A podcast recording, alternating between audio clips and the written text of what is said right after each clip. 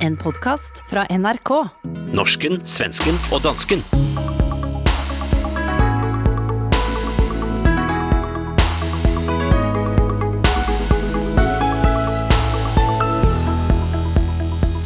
Forsvarsskandalen i Danmark fortsetter med uforminsket styrke, og forsvarsministeren blir beskyldt for at skade landet.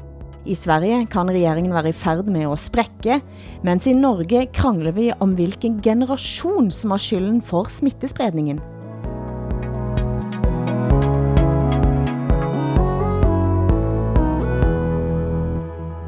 Velkommen til ukens panskandinaviske terapitime på Chesselongen i Stockholm, Åsa Linderborg, i København, Hassan Preisler, og jeg vet sannelig ikke helt, hvor jeg befinder mig. Sist uke så snakkede vi om danske politikere havde gått i dækning, men det var før statsministeren kom på banen med følgende uttalelse. Jøderne har været forfulgt i Europa igennem mange hundrede år. Det kulminerede i det mørkeste kapitel i Europas historie med holocaust.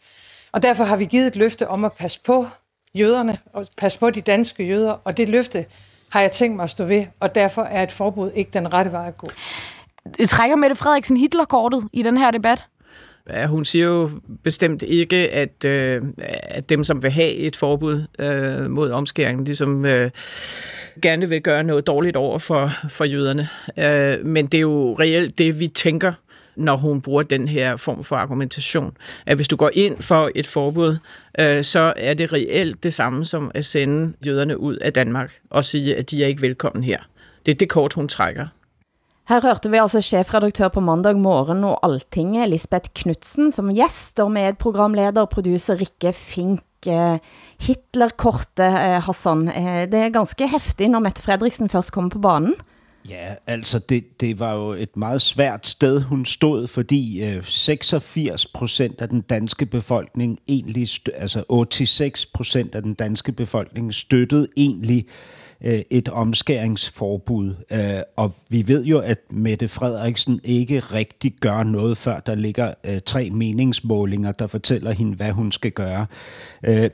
Så det kom jo selvfølgelig bag på os alle sammen, at hun trådte frem og gik op imod folkesjælen på den måde, hun gjorde. Øhm, og så kan man jo så sige, at det er, det er godt spundet. Altså, det, det, det er god spin, det her, ikke? Fordi mm. når hun taler om det på denne her måde, så er hun jo dækket ind. Altså, man kan jo næsten ikke sige noget op imod det her, fordi det lige præcis handler om jødeudryddelse og holocaust, og at det trækker tråde tilbage til en skamfuld tid i Danmarks historien, hvor øh, et fåtal af os risikerede vores liv for at redde jøderne, og langt de fleste af os ikke gør, gjorde det. Ikke? Og hun stiller sig jo så på den rigtige side af det hegn i forhold till den historia vi har med jøderne. Men, alltså, Men sen, jag, ja, också. jag skulle aldrig mer våga prata i den där frågan. Jag jag är ju tveksam till omskärelse både pojkar och flickor, män och kvinnor. Men äh, Mette Fredriksson har ju själv varit för ett förbud av omskärelse tidigare. Det är, är det ingen som har frågat satt det? Ja, altså hun har tidligere været for et omskæringsforbud. Ja. ja altså, jeg hørte, jeg hørte Vikenavisens eh, redaktør Martin Krasnik, som selv er jøde, siger også, at eh, man havde ikke trængt at argumentere med holocaust for at allikevel kunne komme godt i havn for et forbud. En kan snakke om eh, værn av minoriteter, en kan snakke om religionsfrihet, der er veldig mange andre argumenter. Men det som slår mig, Hassan, er jo at det du har sagt tidligere, at Mette Fredriksen høres ut som en præst det stemmer også her. Altså hun snakker med et stort patos. Ja, det er rigtigt. Det gør hun jo, når, når hun taler til os med henvisninger til noget, der skal få os til at føle bestemte ting. Altså enten øh, skam eller øh, hvad, øh, syndsforladelse eller noget. Ikke? Altså hun, hun inddrager ligesom den funktion i, i, i, i at tale, ikke? Sådan, så vi som hendes øh, sovnebørn ligesom står der og venter på, om hun enten øh, kan tilgive os eller vil straffe os. Ikke? Men, men altså noget andet er jo den der debat omkring omskæringen. Altså, jeg bryder mig i virkeligheden ikke særlig meget om, når jeg selv personligt gennemgår en stor transformation. Jeg synes, det er, det er, altså det, det er jo frygtsomt. Altså det, det ryster min, øh, den grund, jeg står på. Men, men det er da helt klart, at jeg personligt har ændret holdning fra at være den, altså den mest overbeviste øh, Øh, modstander af omskæring, til faktisk nu at stå et sted, hvor jeg mener, man bør beskytte den rettighed. Ikke? Og det, jeg, jeg kan ikke sige andet end, at det føles meget sært at gennemgå den proces. Ikke? Vad är, det som, vad är det som har hänt i Norge då? Hilde undrar jag. Jag tycker inte det verkar ha hänt någonting där mer än att alla blivit sjuka av corona. Nej, alltså selv, selv må jeg bare si at jeg har flyktet fra Bergen, jeg har flyktet fra, på corona og Bertheusen-retssaken, som vi snakket om forrige veckan, og en by-landdebatt som har blusset op efter at politisk redaktør i Dagens Næringsliv, Fritjof Jakobsen, skrev en spydig kommentar, som satte Tromsø-kommentator Charles Fjellheim i fyr og flamme. Hør her fra Politisk Kvarter. Misnøyen har rynker, skrev Dagens Næringslivs politiske kommentator Fridtjof Jakobsen sist lørdag. Han viste til at folk som stemmer Senterpartiet og FRP ofte er godt voksne, de gamle er eldst og mest misfornøyd med tingenes tilstand, skrev han og fik et kraftigt svar fra dig, Skjalg Fjellheim, du er kommentator i Avisa Nordlys. Dette er udtryk for den radikale og ytterliggående politiske kulturen, som er under opsejling i Oslo, og som viser den enorme afstanden til resten av Norge. Hvad mener du med det? Ja, så Hvis vi legger til grunn at, eh, at Fritjof Jacobsen har kilder eh, når han skriver denne kommentaren der han da stempler de store velgevandringene i Norge i dag som et uttrykk for et slags eh, geriatrisk fenomen, så er jeg ganske bekymra fordi det forteller en historie om en kommentator, en politisk redaktør, som ikke forstår Norge, eh, og som ikke har klart å fange opp hva som er grunnen til protesten og misnøyen ute i det norske samfunnet i dag. Og Jeg er dessverre redd for at dette er et uttrykk for tanker som sirkulerer i hovedstaden blant politikere og, eh, og politiske journalister. Her hørte vi altså Skjalg Fjellheim eh, fra Tromsø på Politisk Kvarter. Når jeg hører på han, så må jeg indrømme, Åsa, at det han siger om Oslo her, minner ganske mye om måten du har skildret Søder og Stockholm på i din bok, der altså kultureliten og kommentariatet går fra boklansering til boklansering i egen liten boble. Er det noget i den sammenligningen? Det är det absolut. Eh, vi har en väldigt begränsad eh, verklighetsuppfattning skulle jag säga, eh, där vi sitter i våra huvudstäder. Vill du advare Oslo mot att gå i Stockholmfällen? Ja, det skulle jag väl vilja. Men så här, så här fungerar ju kultur- och medieeliten i alla huvudstäder. Men eh, samtidigt så måste ju naturligtvis vi som bor här måste ju också kunna kommentera det vi tror ändå är, pågår ute i landet. Det, mm. det är liksom en eh, moment 22 det där. Men det här uppfattas alltså vara en hård ordväxling i, i, i norsk kontext. Ja. Ja, det här är ingenting i, så som vi diskuterar i Sverige kan jag säga. Det sker aldrig. Nej, men alltså vi har ju sådana här diskussioner hela tiden, mycket, mycket hårdare tonläge. Det är så, när, när Norge kommer med sina så kallade bråk så är de så oskuldsfulla och så, som svensk så tycker man ju, gud vad de är känsliga. Nästan lite kosliga. Ja, men seriöst, alltså i, I har da ikke nogen brutal debat i Sverige, Åsa? Jo, det är det vi har. Det är det jag menar. Vi har mycket, mycket brutalare debatt. Så What? Alla norska exempel, de är så söta och så gulliga. Att ni tycker att det där är hårda ord. Det där har vi hela tiden i Sverige. Det var det som är min poäng. Ja, ja det, må være, det må være en opfattelse, I har inde i boblen. Fordi når jeg har været i Sverige, så har jeg tænkt, der er jo ingen, der diskuterer i det her land. nu kom danskjäveln in här och skulle säga hur det egentligen är. Dette, dette, blir en, dette blir et tema ut over i sendingen, kan jeg røpe. Men la oss bare ta en liten runde med corona, for denne skadefryden sist uke, Åsa, du lo så hjertelig over, eh, over at det stiger smittetal både her og der. Eh, og like efter at vi var i studio sist, så kom det altså tal som viste hvilken aldersgrupper som er dårligst til at overholde karantenereglene. Resultatet fik de norske komikerne Atle Antonsen og Johan Golden til at reagere i sitt radioprogram Missionen på P4. Det er eh, en litt sånn overraskende sak i går, eh, faktisk, eh, syns jeg. Seks av ti, altså 60% bryter med karantenebetingelsene. De, de blir satt i karantene, og så driter 60% i det og bare går ut og surrer, og en og annen da smitter selvfølgelig andre. Jeg trodde egentlig vi var eh, litt mer sånn som Sverige der i Norge. At vi er sånn som gjør sånne ting når vi får beskjed. Liksom. De fleste av oss gjør jo det. Ja, ikke det, vi Eh, gjør ikke det. Nei, trodde vi. Ja, Men, så- men dere, og så tenkte vi da, ja, ja, jeg skjønner jo når du er ungdom og sånn, at du blir satt i karantene, altså ingen blir syk av det, og det er ikke så nøye at man liksom er litt lemfeldig med det.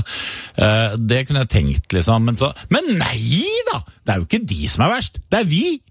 Det er, denne gangen også er det altså vår generasjon, folk, ja, folk rundt 50, folk over 50. Eller jeg, da. Det er ikke vi. Jeg, da. Nei, det er viktig. Jeg er verst. Ja, jeg er god, Jeg og du er elendig. ja. Hassan, trekker du nå tilbake din påstand fra forrige uke om at det er de unge som har skylden for eh, denne koronaspredningen? Nej, men jeg vil gerne komme med en uforbeholden undskyldning til den norske ungdom, fordi det er jo helt tydeligt, at den er meget mere ansvarlig og moden, end den danske ungdom er. Fordi vi har stadig en ud af fire af de smittede, som er mellem 20 og 29 år gammel. Og det har jo så resulteret i, at de danske myndigheder igen er gået frem og har lukket ned, således at nattelivet endnu en gang bliver ramt. Restauranter, barer, caféer og lignende serveringssteder skal fra torsdag lukke kl. 22, og man skal gå med mundbind og vis- visir, når man ikke sidder ned. Visir? Ja, når man ikke sidder ned, ikke? Har du skaffet dig et visir? Altså, jeg, jeg har ikke brug for at gå på øh, restaurant og bar og café, hvis jeg skal have mundbind og visir på, og hvis de jo øvrigt lukker kl. 22. Så øh, personligt kommer jeg til at tage en pause fra, fra det her, og så øh, tage takeaway i stedet for. Mm. Men også pakistanere er ille ute. Du er både over 50 år pakistansk, halvt pakistansk. Det er helt klart, at øh, i, altså på det, der hedder Vestegnen, som er kommunerne vest for København, øh, der øh, er smitten meget høj for tiden, og den er allerhøjest blandt de etniske grupper, som har øh, pakistansk oprindelse, altså sådan nogen som mig. Hvordan ser det ut i Sverige nu da også? Har du fremdeles glemt det er corona? Men jag har ju hela tiden tillhört den där gruppen som inte har skött mig riktigt. Jag har ju gått på krogen sen corona bröt ut. Jag har ju eh, inte alls följt några, några regler överhuvudtaget. Jag har ju varit otroligt oförskämd. Mer än att jag har varit försiktig med att hälsa på mina föräldrar. Eh, Vi, jag ber om ursäkt att jag skrattade så mycket förra veckan åt att... Ja, nu Ej, nu, nu griner du igen, Åsa. Förlåt, ursäkta igen. Men, men eh, faktum är ju att jag tror att, att Sverige gjorde rätt. Det tror nog faktiskt att ni, det tror jag ni också tror. Men det s- anser, men det skulle ni aldrig våga erkänna kanske. Jeg har jo sagt hele tiden at jeg håber at Anders Tegnell og Sverige har rätt. Ja. Og det vil jeg frem... Ja, nu pratar jag om Norge, Norge generellt som har sånt eh, storebrorskomplex gentemot Sverige. Men i Sverige så skal han nå eh, el aldersboliger igen. Ja, det ska vi göra. Och eh, de gamla far ju väldigt illa av att inte få träffa sin familj naturligtvis. Samtidigt så är det ju på äldreboendena som, som nästan alla dödsfall har, har varit. Därför att vi har haft en helt vansinnigt organiserad äldreomsorg i Sverige. Eh, Mm. Av massa eh, skäl som stavas New Public Management. Jeg skal altså i karantene næste uke, eh, og jeg lover å overholde den, eh, men antageligvis uten visir. Du hører norsken, svensken og dansken. Programmet blir sendt i Danmarks Radio, Sveriges Radio og Norsk Rikskringkasting.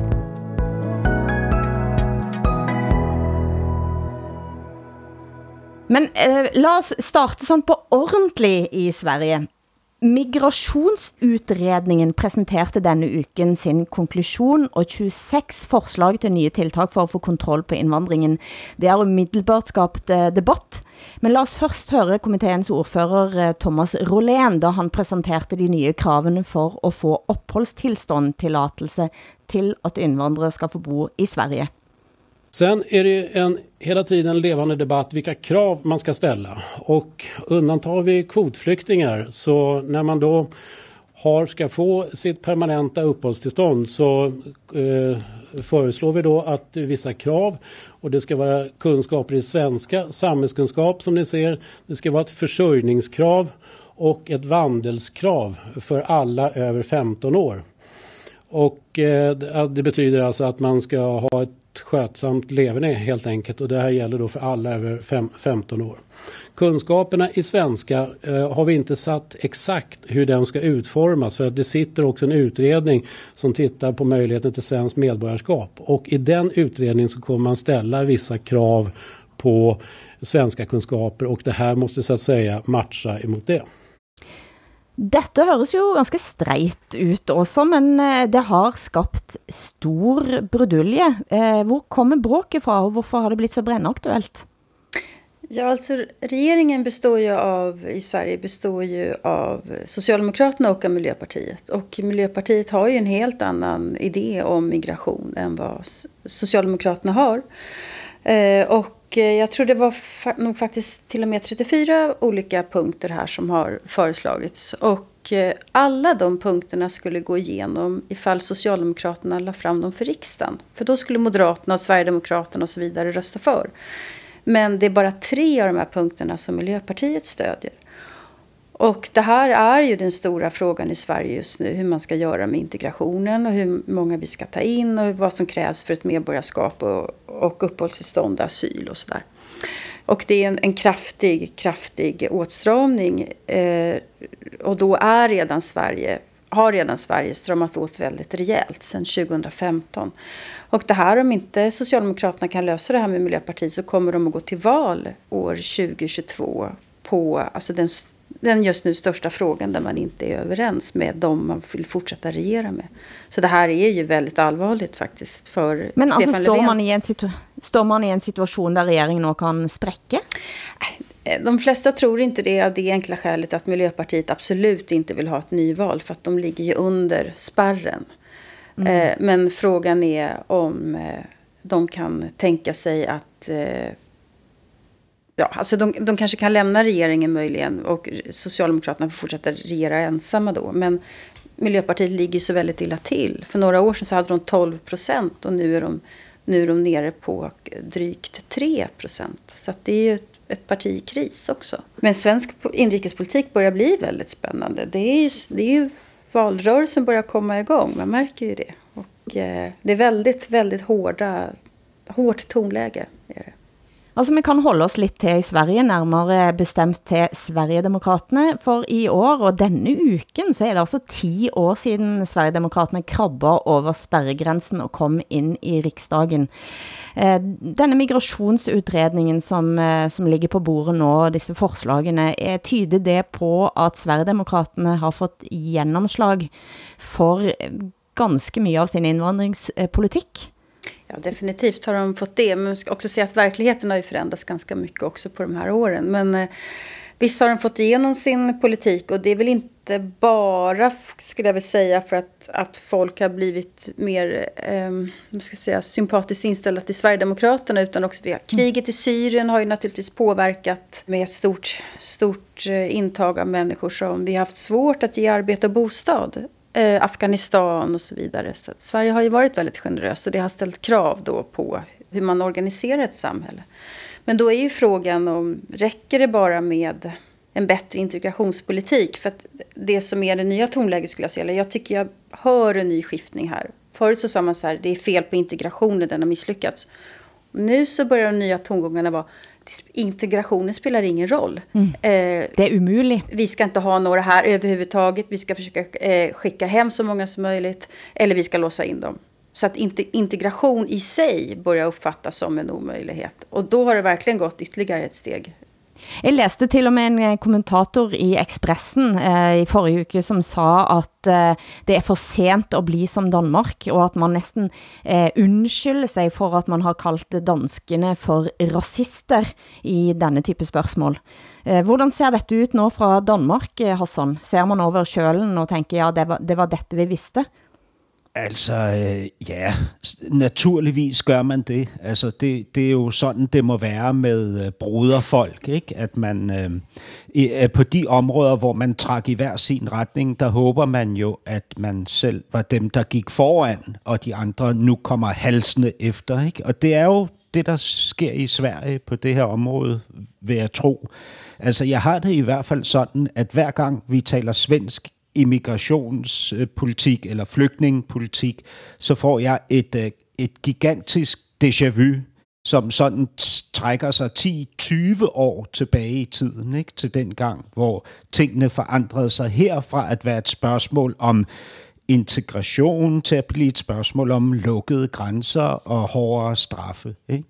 Det, er jo en, det er jo en fortvivlende hård proces, man som nation skal igennem, fordi det er jo et opgør med ens egen øh, kollektive oplevelse af det humanistiske niveau i nationen. Ikke? Og der skal man jo forhandle. Men hvis det perfekte snit ligger et eller andet sted imellem åbenhed og lukkethed, så skal vi jo takke dem, som tør stå ude på yderfløjene sådan så vi andre vi kan leve herinde i den bløde mætte med vores øh, selvfølelse øh, som humanister i god behold.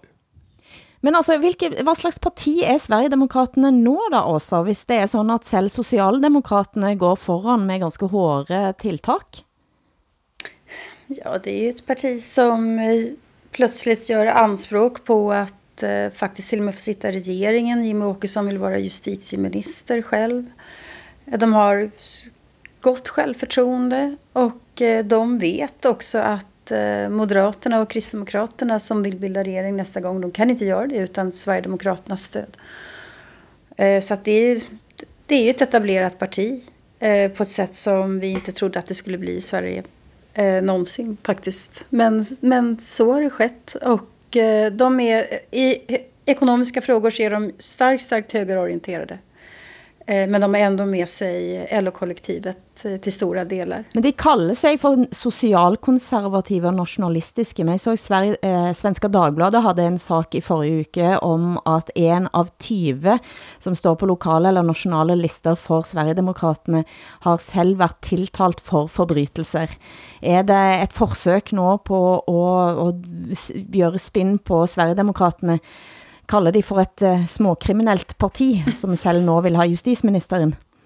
Alltså man, man har alltid försökt surra fast dem i det där och vanligt folk struntar i det. Mm. Altså, altså det, det, det bliver jo spændende at se, om, om fremtiden vil udvikle sig sådan, som vi i Danmark spår, at den vil i Sverige. Altså, at det her meget uh, passive socialdemokrati, som ligesom stikker hovedet i busken, at de vil opleve en kæmpe stor vælgerflugt, ikke? Som så vil gøre, at de hen over de næste år vil udskifte deres ledelse til en langt mere indvandrer- og flygtningekritisk øh, ledelse, som så vil prøve at tilbagevinde de der store øh, bekymrede flokke af mennesker, som bevægede sig over til øh, Sveriges demokraterne. Jag vet det. Fast jag, jag tycker inte att Socialdemokraterna har varit passiva i det här. De har höjt straffen mer än någon annan regering har gjort, till exempel. De har strömmat åt migrationspolitiken mer än någon annan regering har gjort. Om det nu är det man tycker är lösningen. Eh, men däremot så har de ju svårt att, att eh, ändra bostadspolitiken och arbets, arbetsmarknaden och utbildningen därför att det kostar pengar. Och det kräver faktiskt en helt annan ekonomisk organisering och att man går på som, som har att göra med privategendom och sådär helt enkelt. Mm. Om man skulle reglera hela bostadsmarknaden, vilket krävs. Och inget parti klarar av det. Då. Men det partiet som i ögonblicket synes närmast eh, Sverigedemokraterna är faktiskt Kristligdemokraterna. Och förra uke så foreslog partiledare Ebba Busch att bistandspengar skulle brukas till att bygga fängslar i utlandet för kriminella utenlandsfödda svenskar. Här är hon på Ekot.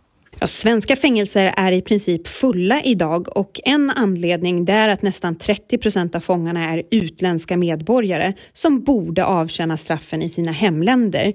Det har sedan tidigare funnits ett tryck från flera partier, däribland Kristdemokraterna, att Sverige ska hyra anstaltsplatser utomlands eftersom det råder platsbrist på svenska fängelser. Men nu kommer KD med ett nytt förslag. Partiet vill dels omfördela pengar från biståndsbudgeten, 1,8 miljarder kronor under en fyraårsperiod, för att renovera och bygga fängelser utomlands. Till exempel i länder som idag inte respekterar mänskliga rättigheter, för att få till stånd fängelser som är mer humanitära. Ja, det kommer ju självklart inte kunna vara fullgod svensk standard, men det här skulle kunna göra att vi kan eh, med eh, hjälp av de här medlen säkerställa en god fångvård. I din avis også, så kalder forfatter Jan Guillou henne denne uken for en elak liten fan. Det er lidt av en tone, var det det du eh, etterlyste eh, inledningsvis? Ja, det är så vi pratar till varandra här i Sverige i offentligheten. Min avis, menar Aftonbladet, ja. Eh, han leker lite med den här, hennes kristna liksom, ideal och sen så är det ett fullständigt omänskligt förslag. Att man ska ta från biståndspengar och bygga fängelser, alltså i Afghanistan och Somalia, som, som regelrätt bryter eh, mot eh, all humanitet. Vi kan heller inte bara skicka ut folk därför att länderna tar inte emot dem eller vi vet att de kommer riskera tortyr och sådär. Så det finns ju liksom skäl att vi inte bara kan, kan kasta ut folk hur som helst. Men det är, det är en väldigt jobbig siffra tycker jag. 30 procent av alla som sitter i fängelser är, inte är svenska medborgare. Det är ett problem. Visst är det det. Har Jan Gillio, har han lidt den rolle i Sverige, som Carsten Jensen har i Danmark? Altså øh, både som sådan, hvad kan man sige, en politisk stabilitet ude på venstrefløjen, men også som en, øh, en retorisk øh, atombombe. Altså Carsten Jensen havde for, for ikke så længe siden en konflikt med Gyldendals direktør, altså øh, Gyldendal er det største øh, bogforlag i Danmark, hvor han kaldte direktøren Morten Hesseldal for kulturlivets vandrepokal. En vandrepokal, det er en pokal, man giver videre, men det er, også, det, det er også et begreb, man bruger om en kvinde, som går fra mand til mand til mand til mand. Jag skulle inte karaktärisera Jan Guillou så. Det är en av Sveriges absolut skickligaste retoriker. Det tror jag ingen kan säga om Karsten Jensen på, i, i dansk jämförelse faktiskt. Jeg kan vel både indrømme at, eh, og her på direkten, at jeg har været i klammerier med de begge to. Har du det? Jeg har, det, det, det må indrømmes. Fantastisk. Det har jag med, ska jag säga. Fast inte som du. Den e- ene av de gjorde mig nok så, så sint, at jeg næsten knakk armen, eh, der jeg slo hånda i bordet, men det kan vi ta etterpå. hvem, hvem af dem var det, du blev så vred på? Kan vel indrømme, at det var den danske, altså. Mm. Du hører norsken, svensken og dansken i SR, DR og NRK.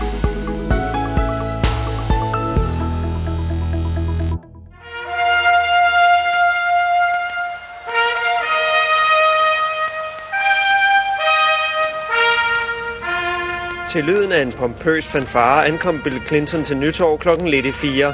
Han blev modtaget af en vild jubel og tusindvis af viftende amerikanske og danske flag.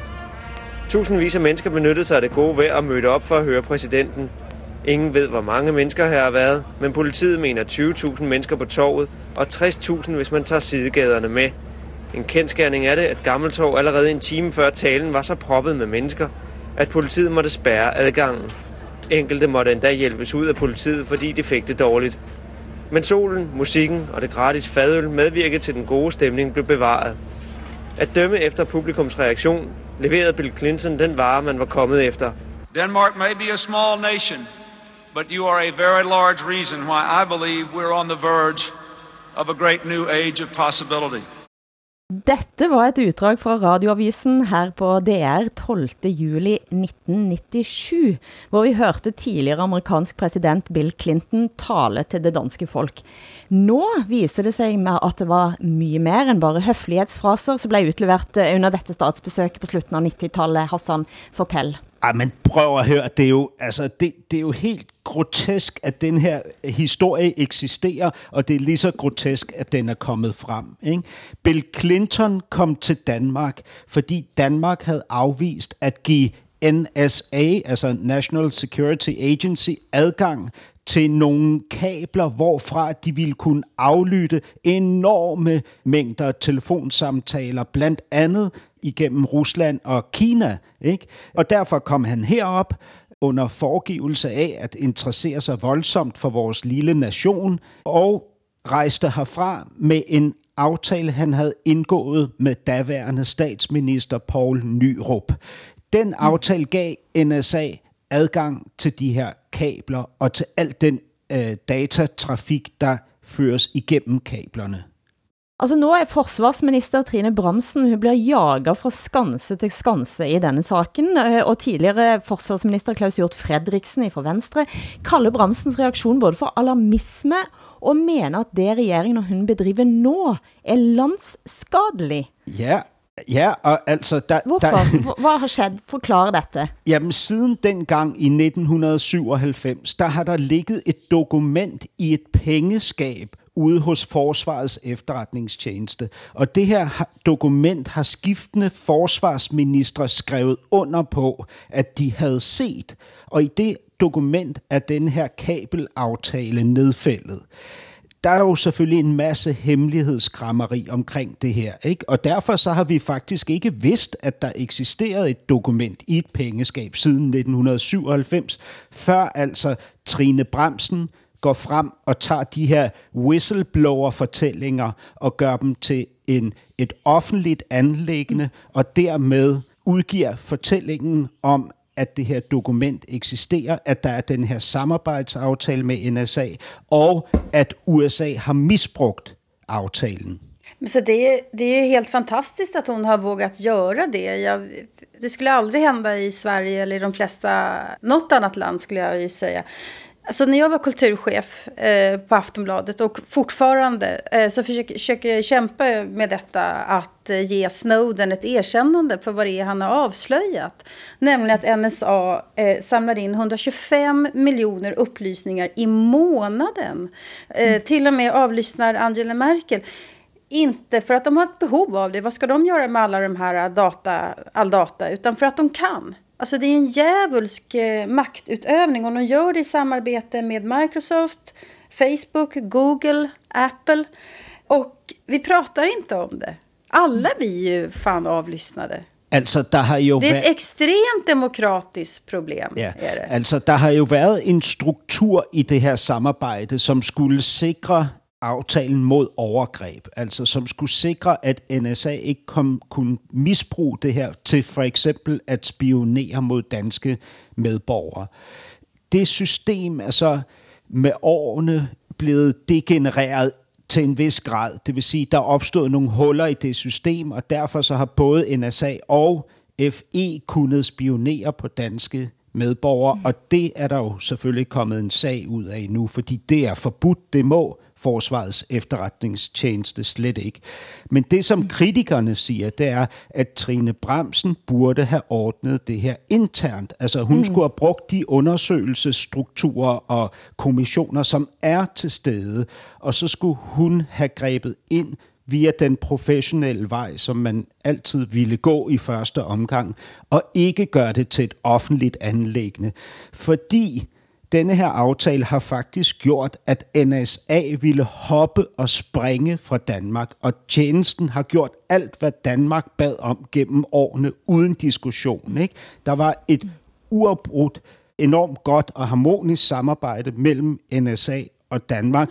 Og det var faktisk sådan, at når folk fra Forsvarets efterretningstjeneste besøgte Washington, så tog NSA's øverste chef, generalen, han tog altid personligt imod, og så bød han på frokost og middag og holdt briefinger og en-til-en møder.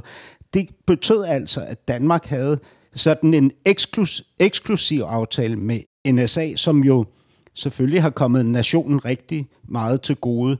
Og det er jo det, kritikerne er trætte af nu, øh, måske vil gå i opløsning. Og på den måde mener de, at det har skadet Danmark.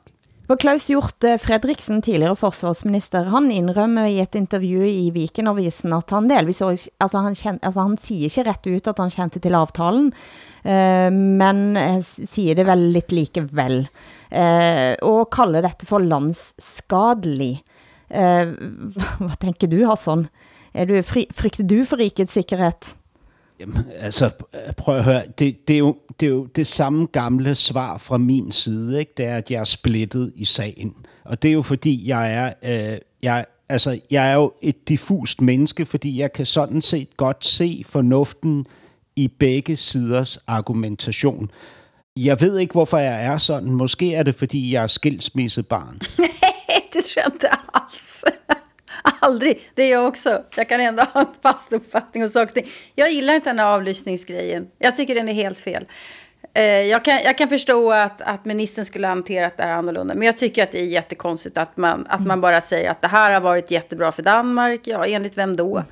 Eh, det, det, är, det är otroligt alltså att man inte pratar om den makt som, som i det här fallet USA och Google, Facebook allihopa har över, över våra, våra handlingar, våra liv, vad vi pratar om, vad vi tänker. Altså, jeg tror ikke... Det är allt från vanligt folk upp till Angela Merkel för fan. Det är liksom, det går inte att försvara. Jeg må indrømme at for min egen del, hvis det er en ting jeg ligger, kan ligge våken længe og tænke på om natten, så er det vel akkurat dette. Vi har gitt ifra oss sjælen vår, og vi vet ikke hvem det er, vi har gitt sjælen til. Ja. Er det rigtigt? Ligger du vågen over det? Nej, jeg bare siger det nu. Nå, men men, jeg- jeg... men samtidig, det er, sådan, det er blonder.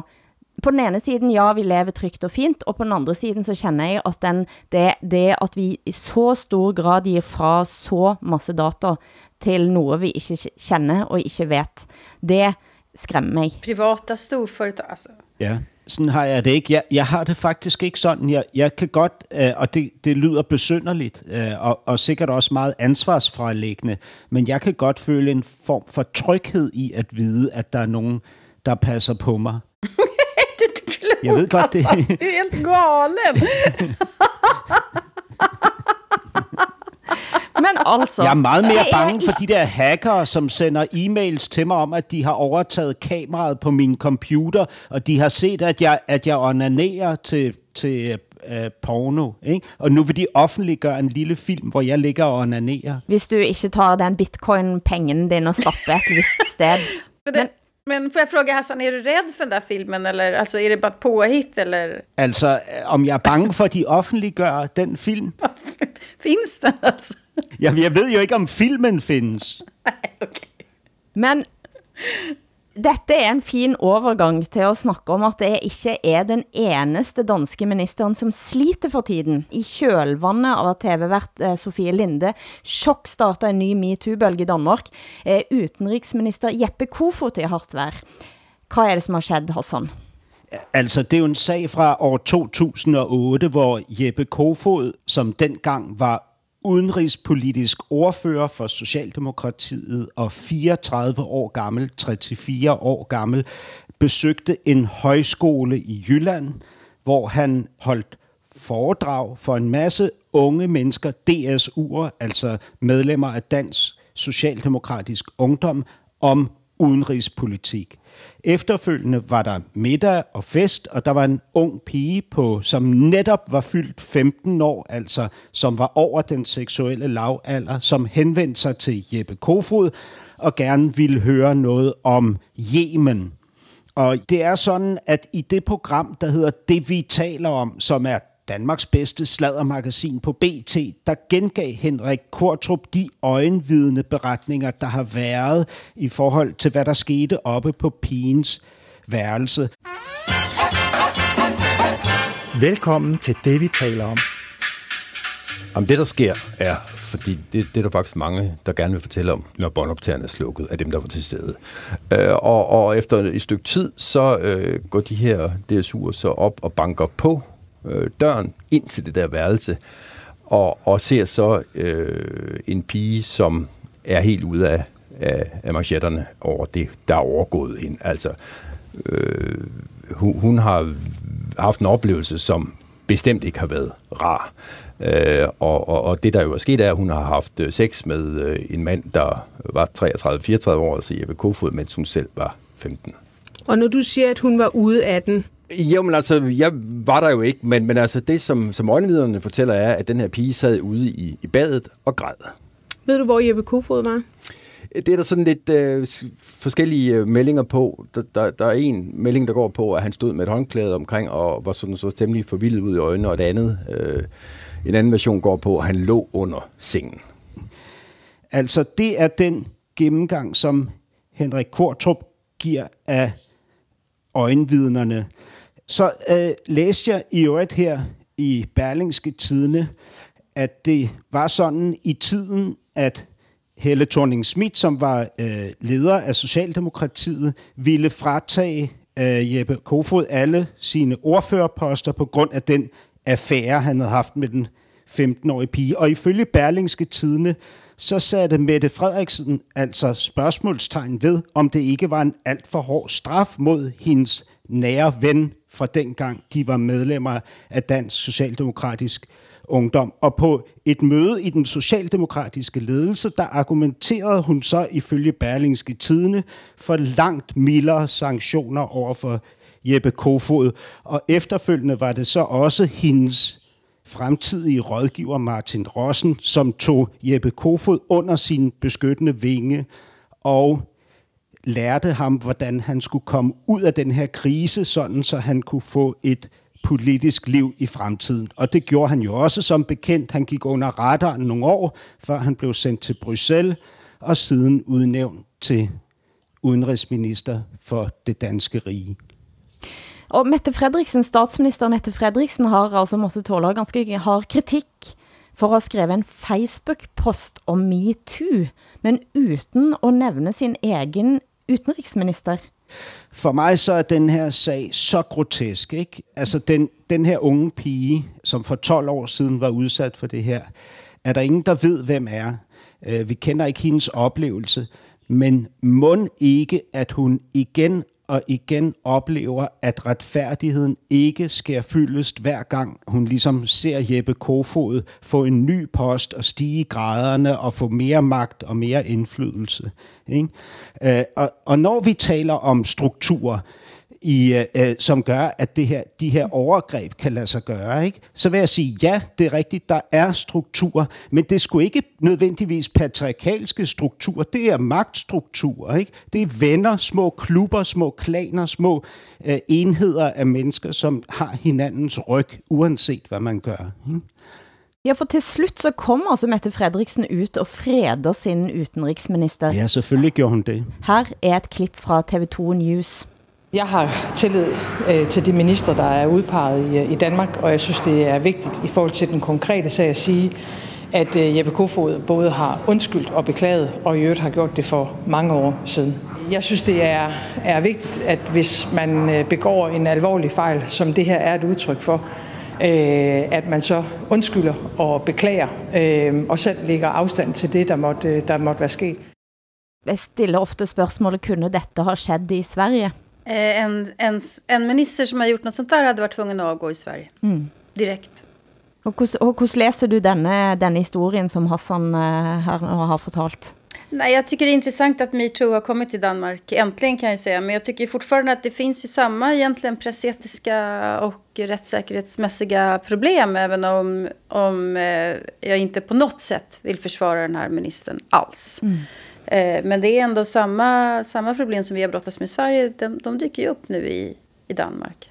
Altså det er snart eh, 20 år siden tilsvarende sak i Norge fik daværende nestleder i FRP, Terje Søviknes, at trække sig rett og slett fra nationalpolitikken i nogle år og blive ordfører i Os kommune. Han blev den gangen en bakmann og en spiller i partiet og kom eh, først tilbage i en veldig synlig position i 2016, da han blev minister. Men den gamle saken den dukket op igen, men fik ingen store konsekvenser for eh, poli Søviknes politiske karriere. Og, men her er han også angrende på tabloid i 2001. Samtidig indrømmer Terje Søviknes at han havde haft sex med en 16 år gammel jente på dette landsmøte. Han ble tvunget til å gå av som nestformann i partiet.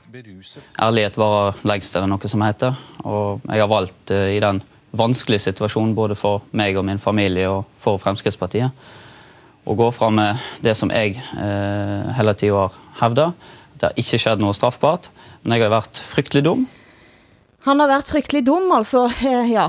Det, altså, det, der, der er jo sådan forskellige grupper, der ligesom nu mener, at at vi skal lade Jeppe Kofod være i fred. Ikke? Der er dem, der mener, at han har udstået sin straf, at hans handling ikke var ulovlig, og at det derfor er en heksejagt at gå efter ham. Ikke? Men hun var 15, var hun ikke det? Hun var, hun var min, altså mindreårig? Hun, hun var netop fyldt 15. Altså hun var 15 og et par dage. Det vil sige, hun var over den seksuelle lavalder. Og, og er, er den lavere i Danmark end i, Nor i Norge? Er den 16? Den er 15 i Danmark. I Sverige også. Men jeg måste... Men, men hvis jeg bare lige må sige, fordi det, der undrer mig allermest, det er den anden gruppe, som protesterer mod, at man nu uh, tager den her sag op igen, som jo bliver taget op på bagkant af Sofie Lindes fortælling om sine oplever, oplevelser med overgreb i mediebranchen. Ikke? Og det er de allermest aktive feminister, dem jeg har diskuteret med, mener ikke, at man skal tage denne her sag op, fordi det ødelægger sagen. Sagen skal være principiel, den skal ikke være konkret.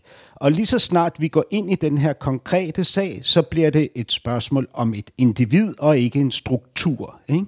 Og min egen teori er, at de hader den her sag, fordi den involverer magtfulde kvinder, som var dem, der bestemte og beskyttede og drog omsorg for overgrebsmanden. Det er meget, jeg, jeg er meget, jeg, jeg ved ikke om I kan høre det, men jeg er faktisk ret øh, vred over det her. Jeg synes det er forstyrrende og fortvivlende. Ikke?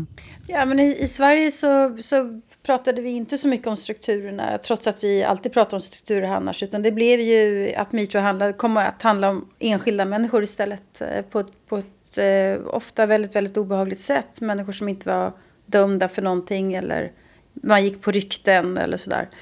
Men jag vill inte säga att det är överförbart till, till eh, danska förhållanden alls. Men, eh, Men vad säger du till det som Hassan här säger, att det är faktiskt eh, maktfulla kvinnor som har hållit sin beskyttende hånd över Jeppe Kofod sedan 2008? Så, så det ser vi i Sverige, att väldigt, väldigt många kvinnliga chefer har skyddat män som har betett sig väldigt illa. Kvinnliga chefer har ofta en, ett patriarkalt sätt att hantera sitt chefskap. Man, man imiterar hur män beter sig.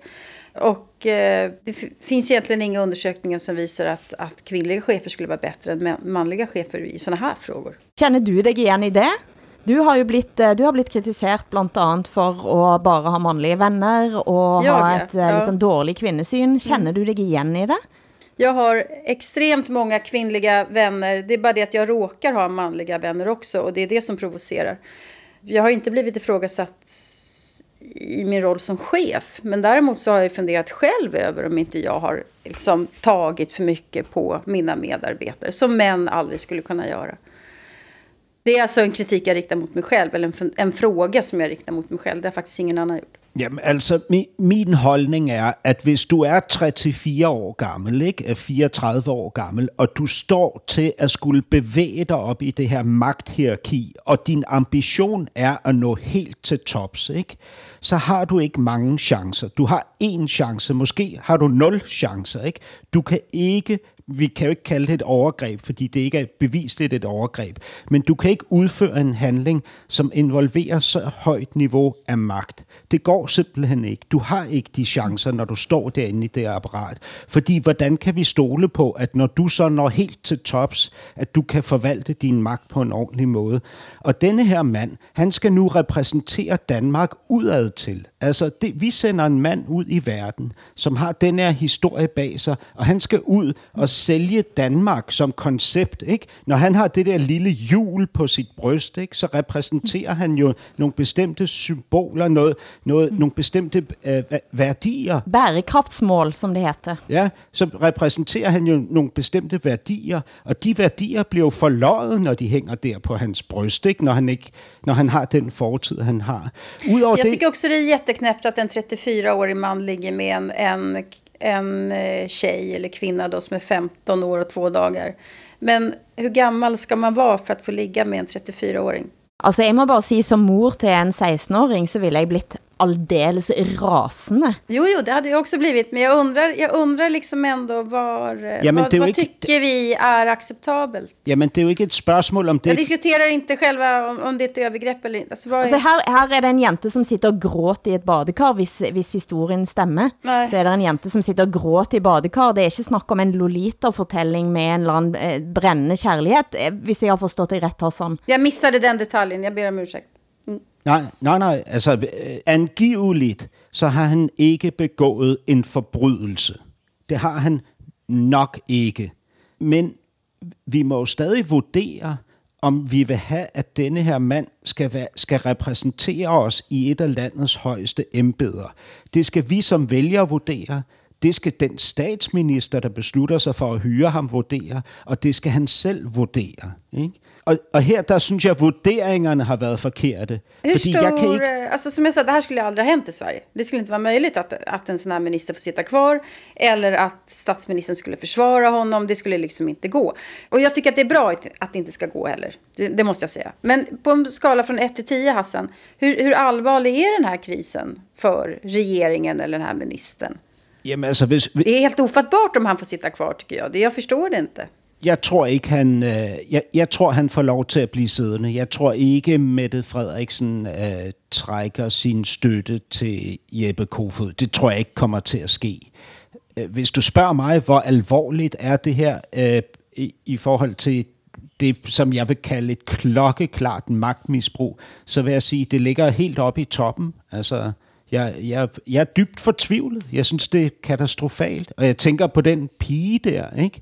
som nu må se ham blive ført op til dronningen, hvor han så bliver udnævnt til udenrigsminister. Ikke? Og hver, hver uge, så skal hun se ham dukke frem på tv-skærmen og opleve ham igen og igen. Og hvad er det for et signal, vi i øvrigt sender til de unge mænd, som er på vej ind i politik og ønsker at opnå magtpositioner i fremtiden? Vi fortæller dem, det er fint. Hvis du begår en fejl, hvis du tager hen på en højskole, hvor du underviser, og går i seng med en af dine elever, og hun kun er 15 år, og hun, og hun græder efterfølgende, og, og sådan noget, så sig undskyld, og så går der et par år, så bliver du sendt til Europaparlamentet, og så kan du komme tilbage og blive udenrigsminister. Det er det, vi fortæller unge mænd, som vil øh, ind i hierarkiet. Og det synes jeg er fortvivlende. Norsken, svensken og dansken med Hilde Sandvik, Åsa Linderborg og Hassan Preisler.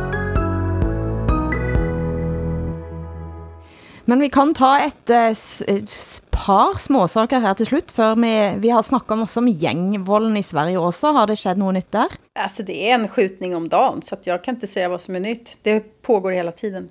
Men altså, gjengvolden får nå store konsekvenser, og hør her på drakoniske tiltak, som butikkeier Linda Dahlin i Göteborg har innført, for at dra sitt strå til stakken for at få styr på uromomentene.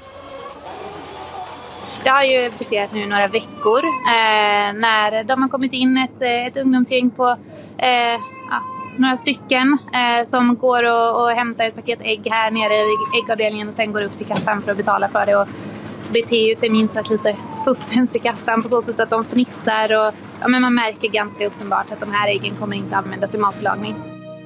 Den senaste tidens äggkastning på gator, fordon och fastigheter verkar ha nått sin gräns för de boende i Lindome söder om Göteborg. Nu har en matbutik i området beslutat sig för att hjälpa till på sitt sätt. De införde en 18-årsgräns på äggpaket. Nej, men det är ju så att personalen eh, som har arbetat vid de här tillfällena har ju inte upplevt situationen som hotfull. Eh, utan det är väl mest bara, eh, de har sagt till ungdomarna att nej men ni får inte lov att köpa några ägg för vi vet vad ni kommer använda dem till. Eh, och sen eh, så har ungdomarna nöjt sig med det. Här hörte vi Linda Dahlin i TV4 Nyheterna. Altså 18 års eh, aldersgrense på egg, Hassan, eh, selv ikke tiltakene, de strenge tiltakene i Danmark eh, mot gjengkriminalitet har vel kommet på noe sånt? Nej, nej, det har man ikke. Nej, så, kig, så må vi kigge mod jer for inspiration. Det er jo dejligt, at vi kan udveksle på den måde. Det er rigtigt. Åsa, har du måttet visa legitimation för att köpa ägg? Nej, men däremot på, på Systembolaget för inte så himla länge sedan. Det gjorde mig väldigt glad faktiskt. Det som jag är 52 år. Du blev glad? Men altså, Hilde, du ved jo godt, at under coronapandemien, da vi havde total nedlukning her i Danmark, så var der en del fester i lejlighederne over for mig med voldbuet, ikke? Og på det tidspunkt, der øh, valgte jeg at kaste æg fra mit vindue ja. ind af Nej. deres vindue overfor. Ikke? Så der Er det sandt? Ja, så der er jo noget rigtigt i, at der er en forbindelse mellem øh, etnicitet og æg. En skal have 50 års aldersgrænse på æg.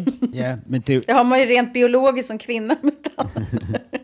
Men Hassan, jeg har også plukket op, altså der er mange ministre her som er under press. Men jeg har plukket op at Danmarks første mandlige likestillingsminister, nå barnebokforfatter Manu Saren, som på en Facebook-gruppe har indrømmet at ta magic mushrooms. Og da BT eh, ringte op og konfronterte han, så resulterte det i et ganske psykedelisk interview. Hør her da vores kolleger i Danmarks Radio rekonstruerte interviewet. Er det rigtigt, at du har taget mikrodoseret psilocybin? Ja, jeg har mikrodoseret, men det er ikke psilocybin. Okay, der er bare et screenshot, hvor en person spørger dig, om det er psilocybin, og du svarer, yes, the one and only. Ja, okay, men øh, det var CBD, øh, medicinsk cannabis. Mm, hvorfor skrev du så, at det var psilocybin? Ja, det er en misforståelse, tror jeg, men altså, øh, medicinsk cannabis, helt klart. Skal du ikke øh, være lidt påpasselig i forhold til den slags misforståelser, når du er børnebogsforfatter og et kendt navn? Og ja, folk skriver til mig privat, så ved de godt, hvad det handler om. Det kan godt være, det er et fejl. Det blir sidste psykedeliske replik i ukens sending. Producent har været Henrik Hulland Ulving. Tak til Åsa Linderborg i Stockholm, Hassan Preisler i København. Jeg heter Hilde Sandvik og rapporterer fra en ikke opgivet lokation langt borte fra den norske coronahovedstaden Bergen. Tusen tak for os. Jeg synes, det er en fed måde at sige det på. At tage et trip. Det er det, det handler om. Nogle drikker sig stive, andre tripper på CBT-olie. Det er enormt sejt.